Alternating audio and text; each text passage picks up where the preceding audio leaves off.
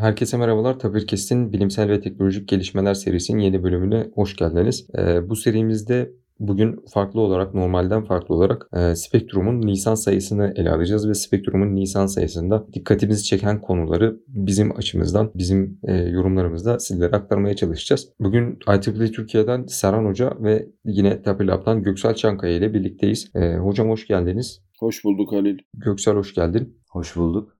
Ee, hocam şimdi podcast'imize şöyle başlamak istiyorum. IEEE Spektrum'u konu alan ilk bölümümüz olacağı için IEEE Türkiye ve IEEE Spektrum hakkında da e, size kıyasladığımızda daha az bilgiye sahip olduğumuz için hani IEEE ve IEEE Spektrum nedir? Böyle kısaca bir e, bizi bilgilendirebilir misiniz? Çok teşekkür ederim Halil. E, her zaman olduğu gibi bana yine bu fırsatı verdiğiniz için ve IEEE Türkiye'yi bu mecrada temsil etme şansı tanıdığınız için. Kısaca şöyle söyleyebiliriz. IEEE malum kar amacı gütmeyen aslında bir mühendislik organizasyonu. Tabii ki şu an kapsamı mühendisliğin çok çok e, ötesine geçmiş durumda ama bu minvalde IEEE'nin IEEE Global'in hatta öncelikli görevleri arasında e, bilgiyi paylaşma, bilgiyi yayma ve bunu bütün insanlara mümkünse ulaştırma da var. Bu anlamda IEEE'nin e, teknik bir sürü yayını olmakla birlikte bunların tekniklik derinliği ve seviyesi haliyle yalnızca konunun özündeki kişilerle, konunun takipçileriyle, meraklarıyla sınırlı kalmakta. E, ancak IEEE Spectrum, IEEE Global'in bu bakış açısını e, bir üst katmana çıkartıp daha geniş bir kitleye ulaşabilmek amacıyla biraz daha konuların az teknik ayrıntılarıyla verilmesi ancak günceli yakalamak noktasında da oldukça hızlı ilerleyen bir yayın sürecinde e, çok da takip edildiğini düşündüğüm, benim de severek takip ettiğim bir enstrüman. Bu anlamda IEEE Spectrum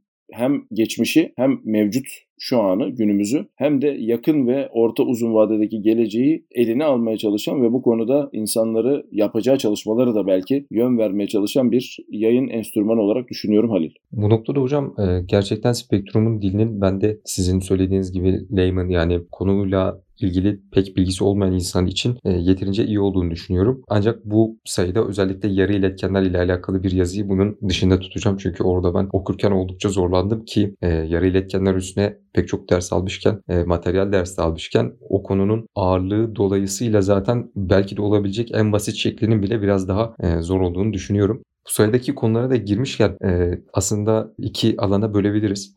Biri tamamen elektrik, elektronik ve fizik ile alakalı olan kuantum bilgisayarlar, yarı iletkenler ve IoT gibi alanlarken diğeri de sağlık ve mühendisliğin kesişimi olan e, sesle kod yazımı. Bunun sağlıkla ne alakası var birazdan tartışacağız muhtemelen. E, güneş ışınlarının etkisinin ölçülmesi ve yapay plasenta gibi e, konular var. Göksel senin biyomedikale tıpa ilgin olduğunu biliyorum. Hatta yüksek lisansta hatırladığım kadarıyla biraz biyomedikalle ilgili bir konuydu. Evet, yüksek lisansımda biyomedikal ile ilgili çalıştım. Bu ayki dergide çok güzel oldu. Birden fazla hatta 3-4 tane bu alanlarla alakalı çalışmalar yapıldı. Bunlardan benim ilk olarak paylaşmak istediğim e, sesli kod yazımı ile alakalı olan temel olarak ses yardımıyla klavye fare kullanmadan kod yazımı. Fiziksel olarak yapamayan insanlar için çok güzel bir yöntem. Bu tarz rahatsız olan insanlar için çok güzel bir çalışma. İki farklı platform yoluyla yapılıyor. Bunlardan bir tanesi Talon göz takibiyle imleç hareketi, ağız ile de tıklamayı öngören, bunu mümkün kılan bir platform. Diğeri de Serenade. Bu da speech to text, konuşmadan metin şeklinde kod yazımı sağlanıyor. Belli başlı anahtar kelimelerle kod yazımı gerçekleştiriliyor. E, bu noktada şunları söylememiz lazım. Şimdi klavyeyi kullanamayan ama kod yazmak isteyen insanlar dedik zaten kod yazımı bir e, şu anda profesyonelce yapıldığı için bir profession yani meslek olduğu için e, neden böyle bir şey çıkmış bunu da tartışmamız gerekiyor. Çünkü muhasebeci rahatsızlığı olarak biliniyor sanırım bizim ülkemizde genellikle kolda sizin sıkışması gibi durumlarda insanlar gerçekten ellerini kullanamaz hale geliyorlar ve e, bu hastalıklardan ötürü artık kod yazamayan, klavye kullanamayan e, mühendislerin yine ortaya koyduğu birkaç çalışma olduğunu ben e, gördüm. E, Serenade'de de doğrudan speech to text'e ek olarak hani bir doğal dil anlama var. Yani git hello yaz dediğinde birebir oraya git hello yazı basmıyor da oraya print parantez içinde ve tırnak içerisinde hello'yu geçiriyor. E, bunları eklemek istedim ki bu sesli kod yazımı konusunda hani çeşitli hareketlerle ve mimiklerle e, bilgisayar kontrolü alanına girdiği için e, örneğin aklımıza ilk gelen şeylerden biri de Stephen Hawking'in e, sanırım sandalyesi olabilir. Konuşamadığı için kendisi de mimiklerle e, bilgisayarı kontrol edip, ekranı e, kontrol edip konuşmayı sağlıyordu. Bu şekilde bir süre hayatını idame ettirdi. Bu arada ben de şöyle bir katkıda bulunmak istiyorum. Özellikle doğal dil işleme alanı malumunuz yavaş yavaş bağlam dediğimiz, e, Türkçe mesela buna çok güzel bir örnek aslında. Bağlamı da için içine alacak şekilde ilerlemeye başladı. Özellikle yapay sinir ağları makine öğrenmesi teknikleriyle. Bu çalışmada sözünü ettiğiniz e, buraya merhaba dünya yazdır ifadesini bilgisayarcaya çeviren bir arada arayüzün olması bize artık dil işlemede bağlamın da olabildiğince işin içine girdiğini, bu artık yavaş yavaş sorulara yanıt verebilen makinaların olabileceğini aslında gösteriyor. Bu noktada da önemli bir çalışma olduğunu düşünüyorum. Sözünü ettiğiniz çalışmanın. Hocam bu noktada yapay zeka değinmişken sayının ana konusu olan yapay plasenta aklıma geldi direkt. E, çünkü bir tarafta insan zekasının, insanın e, bilincinin bilgisayarda temsili varken diğer tarafta da insanın canlılığının sağlanması ve e, insanın canlılığını sona erdiren bir olayın engellenmesi için e, yapay bir plasenta inşa edilmeye çalışılıyor. Neleri yapabileceğimize dair e, bize fikir veren iki güzel örnek diye düşünüyorum. Şimdi e, tabii bu konunun özünde aslında senin de söylediğin gibi işlerin yapaya çekilmesi çok önemli bir tartışma konusuyken aslında özellikle Nature tadında biraz daha böyle bilimsel ilerlemelerin sıçrama yaparak kendini ortaya koyduğu çalışmalar göz önünde bulundurulduğunda burada bir başka e, dağılım daha görüyoruz. Bir başka dal daha görüyoruz. Vücut içerisinde olanlarla vücudun organlarını vücut dışarısında birebir kopyalarak ilerleyen bir laboratuvar teknolojisi de mümkün. Malum bazı e, uygulamalar, bazı tıbbi yaklaşımlar etik nedenler yüzünden insanlar üzerinde yapılamıyor. O yüzden çeşitli hayvan deneyleri ve bunların insana yakın sürümleri üzerinden ilerliyor. Ancak bu teknoloji artık oraya gidiyor ki artık etik davranışa gerek yok. Eğer siz kendiniz yani bireysel olarak nasıl kişiye özel aşıdan bahsediliyorsa bu zamanda CRISPR teknolojisi için mesela yine öngörülen bir şey olduğu için söylüyorum bunu. E, siz kendiniz diyorsunuz ki bu benim vücudumun bir dokusudur. Ben bununla ilgili e, Allah saklasın bir rahatsızlığa sahibim ve bunun düzeltilmesini istiyorum. Siz o dokuyu veriyorsunuz. Dışarıda o doku sizin vücudunuzun içindeymişçesine türetilip artık o tabiri kullanıyorum. Tıpçılar lütfen düzeltsin. Doğru tabir ne bilmiyorum çünkü. Oluşturulup ilaç denemeleri ya da işte artık ne yapılıyorsa deneyler vücudunuzun dışında ama size ait bir doku olarak yapılıyor. Bu tabi tartışmayı çok başka bir yere götürüyor. Yani yapay plasenta bu noktada gerçekten bu sözünü ettiğimiz durumun hatta koyun doli çalışma kuzularla olduğu için aklıma o da geldi. Doli ile başlayan genetik kopyalamanın yapay plasenta ile bir taraftan evrildiği bir taraftan da insana ait dokunun kendisine ait olan dokunun vücut dışında vücut içindeymişçesine fonksiyon gösterdiği bir ortamda deneylerin yapılabildiği bir teknolojiye doğru bizi götürüyor. E, gerçekten bunları duymak çok heyecan verici Halil. Hocam hatta siz etik e, konulardan giriş yapınca ve etik konulardan bahsedince e, şu aklıma geldi. Geçtiğimiz günlerde de bir yerde e, yapay döllenmenin ve e, tüp bebek gibi yöntemlerin kullanıldığında ortaya çıkan canlının e, yaşamının bir süre sonra sonlandırılmasına dair bir regülasyon varmış. Ve bilim insanları bu konuda biraz daha ileri gitmek ve bazı şeyleri daha iyi gözlemlemeyi istiyorlarmış ve düşünüyorlarmış. Bu yapay plasanta konusunda da zaten öne çıkan sorulardan biri acaba bir gün e, yapay bir rahim yapmamız ve bir insana ihtiyaç duymadan dışarıda e, büyümesini sağlamamız mümkün müdür e, sorusu. E, bu konuda sanırım bir taraf ortadan başlamış, bir taraf baştan başlamış. E, bunlar bir noktada birleşecektir diye düşünüyorum ki o bilim kurgu filmlerinde sürekli gördüğümüz böyle bir sıvının içinden çıkan bebekler e, sanırım yakın zamanda gerçekleşecek. E, yapay plasenta konusunda da aynen o yöntemi kullanan e, bebeği belirli bir sıvının içinde tutup oksijen temizliğini yapan e, cihazlar var. E, burada tabii ki merak edenler yapay plasenta konusunu spektrumdaki makaleye göz atabilirler. E, gerçekten ilgi çekici, e, insanın hayal gücünü zorlayan bir çalışma diye düşünüyorum. Hocam siz anlatırken aklıma daha önce yapılan bir çalışma geldi. Karaciğer hücresinin 3 boyutlu yazıcıyla üretilip insan vücuduna katkısı üzerine bir çalışma yapılmıştı. Bu çalışmaya çok benzer bir çalışma da bu ayki dergide de var. 3 boyutlu yazıcı ile kemik basımı, kemik benzeri materyal basmayı amaçlayan bir çalışma. Amaçları kemik ortamını incelemek ve en önemlisi kanser ve travma gibi durumlarda kemiklerdeki hasarı onarmak.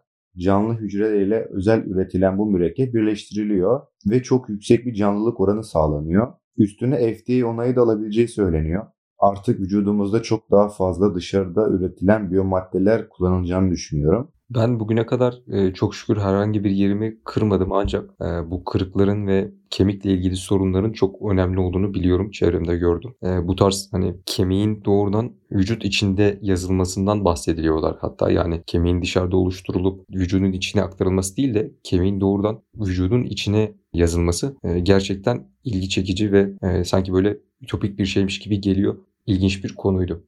Halil yine sözüne ek olarak e, çok yakın zamandaki gelişmelerden bir tanesi de malum açık kalp ameliyatlarında göğüs kafesinin biliyorsunuz tamamen ayrılıp ameliyatın o şekilde gerçekleşmesi. Bu söylediğiniz konuya paralel son gelişmelerden bir tanesi de yakın zamanda haberlerde de çıktı tahmin ediyorum. İğne başı kadar küçük bir yerden vücudun içerisine girip ameliyatı gerçekleştiren nano robotları kullanarak bu işi yapmak. E, bu noktada tabii vücut açıklıkları ve bununla ilgili tabii komplikasyonların e, hepsi ortadan kalkıyor ve kemik iyileşmesi gelişmesi problemi ortadan kalkıyor. Dediğin gibi bunları bir araya getirdiğinde e, vücut içerisine, vücut dışından belki doğrudan içine yazarak ya da vücut içerisinde çok küçük nano boyutta delikler açarak onun içerisinde işlemler yaparak bunları yapmak mümkün olacak gibi gözüküyor. Gerçekten çok heyecan verici. Katkılarınız için teşekkür ederim. Şimdi muhtemelen bölümümüzün yarısını geçmiş olduk. E, bu noktada biraz e, sağlık bilimleriyle ilgili konuları artık arkada bırakıp kuantum bilgisayarlar, yarı iletkenler ve IoT konularına geçmek istiyorum. Çünkü bunlar da önemli. Bu konuda da güzel e, yazılar ve güzel makaleler vardı.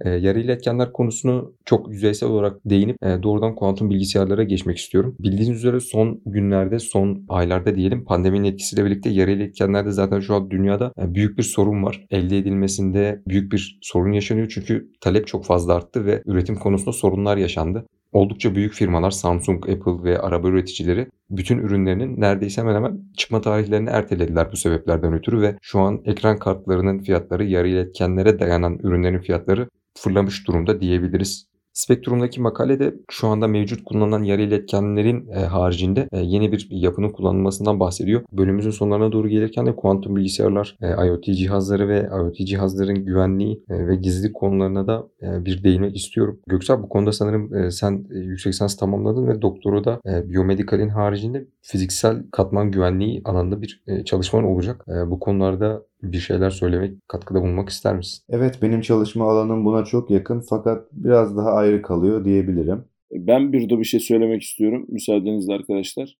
Söz edilen üçlü IoT, olasılıksal ve işte kuantum bilgisayarlar e, ve bununla alakalı gizlilik, güvenlik meseleleri zira çok e, sıkça şu anda gündeme geliyor. Özellikle kripto para, blockchain e, bu tarz teknolojiler yavaş yavaş dünya ekonomisini de açıkçası dönüştürmeye çalışıyor. E, ancak tabii nesnelerin interneti dendiğinde ortaya bir takım kısıtlar giriyor ki şu anda kullandığımız haberleşme teknolojilerinin dayandığı şeyler arasında hesaplama karmaşıklığı ve güç e, maliyetleri yüksek bileşenler içerdiğini de unutmamamız gerekiyor. Geçen Halil'le çektiğimiz podcast'te de bahsetmiştik aslında Moore'un söylediği yere yavaş yavaş geliyoruz ancak kuantum bilgisayarların ortaya çıkabilmesi için de laboratuvarın dışına çıkabilen bir tür e, ortamlara ihtiyaç olacağı da ortada. Yani dolayısıyla IoT, gizlilik, güvenlik, kuantum bilgisayarlar e, bunların gerçeklemesi heyecan verici birkaç alan daha ortaya koyuyor ki yavaş yavaş mühendisliği her zaman olduğu gibi aslında fizikten ayıramadığımız,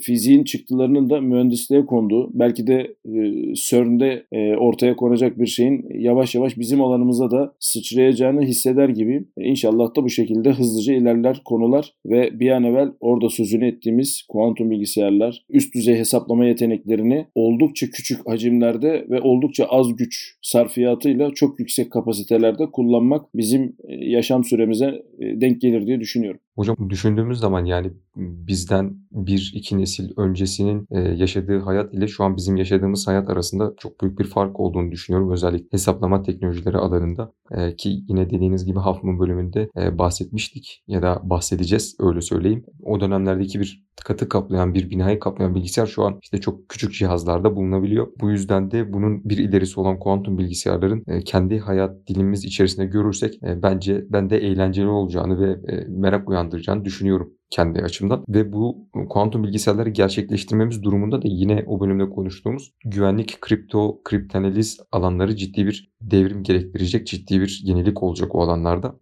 Ancak bu tahminler biraz daha ileri zamanları kapsadığı için günümüzde şu an mevcut yarı iletken teknolojisi kullanılarak geliştirilen yöntemlerin güvenliğini sağlanması var. Özellikle Amerika devletinin aldığı yani hükümetin, devletin kendi kullanacağı IoT cihazlarına, nesnelerin interneti cihazlarında çeşitli regülasyonlar getirildi. Bunların bilgiyi işlemesinden birbirleriyle haberleşmesine ve bulutta bilginin depolanmasına kadar çeşitli regülasyonlar kondu. E, bu noktada ülkemizde nesnelerin interneti ekosistemi test ve değerlendirme merkezi adı altında İstanbul Üniversitesi'nde proje yürütücülüğünü doçent doktor Muhammed Ali Aydın hocamızın yaptığı bir laboratuvar var. E, Muhammed Ali Aydın Hoca daha önce biz bir e, bölüm çekmiştik. İlerleyen günlerde de IoT'nin geleceği, gizlilik, e, siber saldırılar, e, siber istihbarat ve e, gelecek teknolojiler e, bizlere neler getiriyor bunlar hakkında bölümlerimiz yayınlanacak. Bu konuda da dinleyicilerimizi bilgilendirmek istedim. Burada bu konulara biraz e, nispeten sağlık bilimleri alanına göre daha az değindik. Ancak e, bu konuları ilerleyen bölümlerimizde çok daha detaylı bir şekilde, özel bir şekilde ele alacağız. E, tabii bu kadar konuştuk ancak spektrumda değinmediğimiz birkaç farklı konu da var. Bunlar e, dronlar, kıtalar arası yüksek gerilim hatları, e, Amerika'daki bilimin politikadan nasıl etkilendiği, 2021 yılının en e, iyi teknolojik arabaları ve radyonun bir propaganda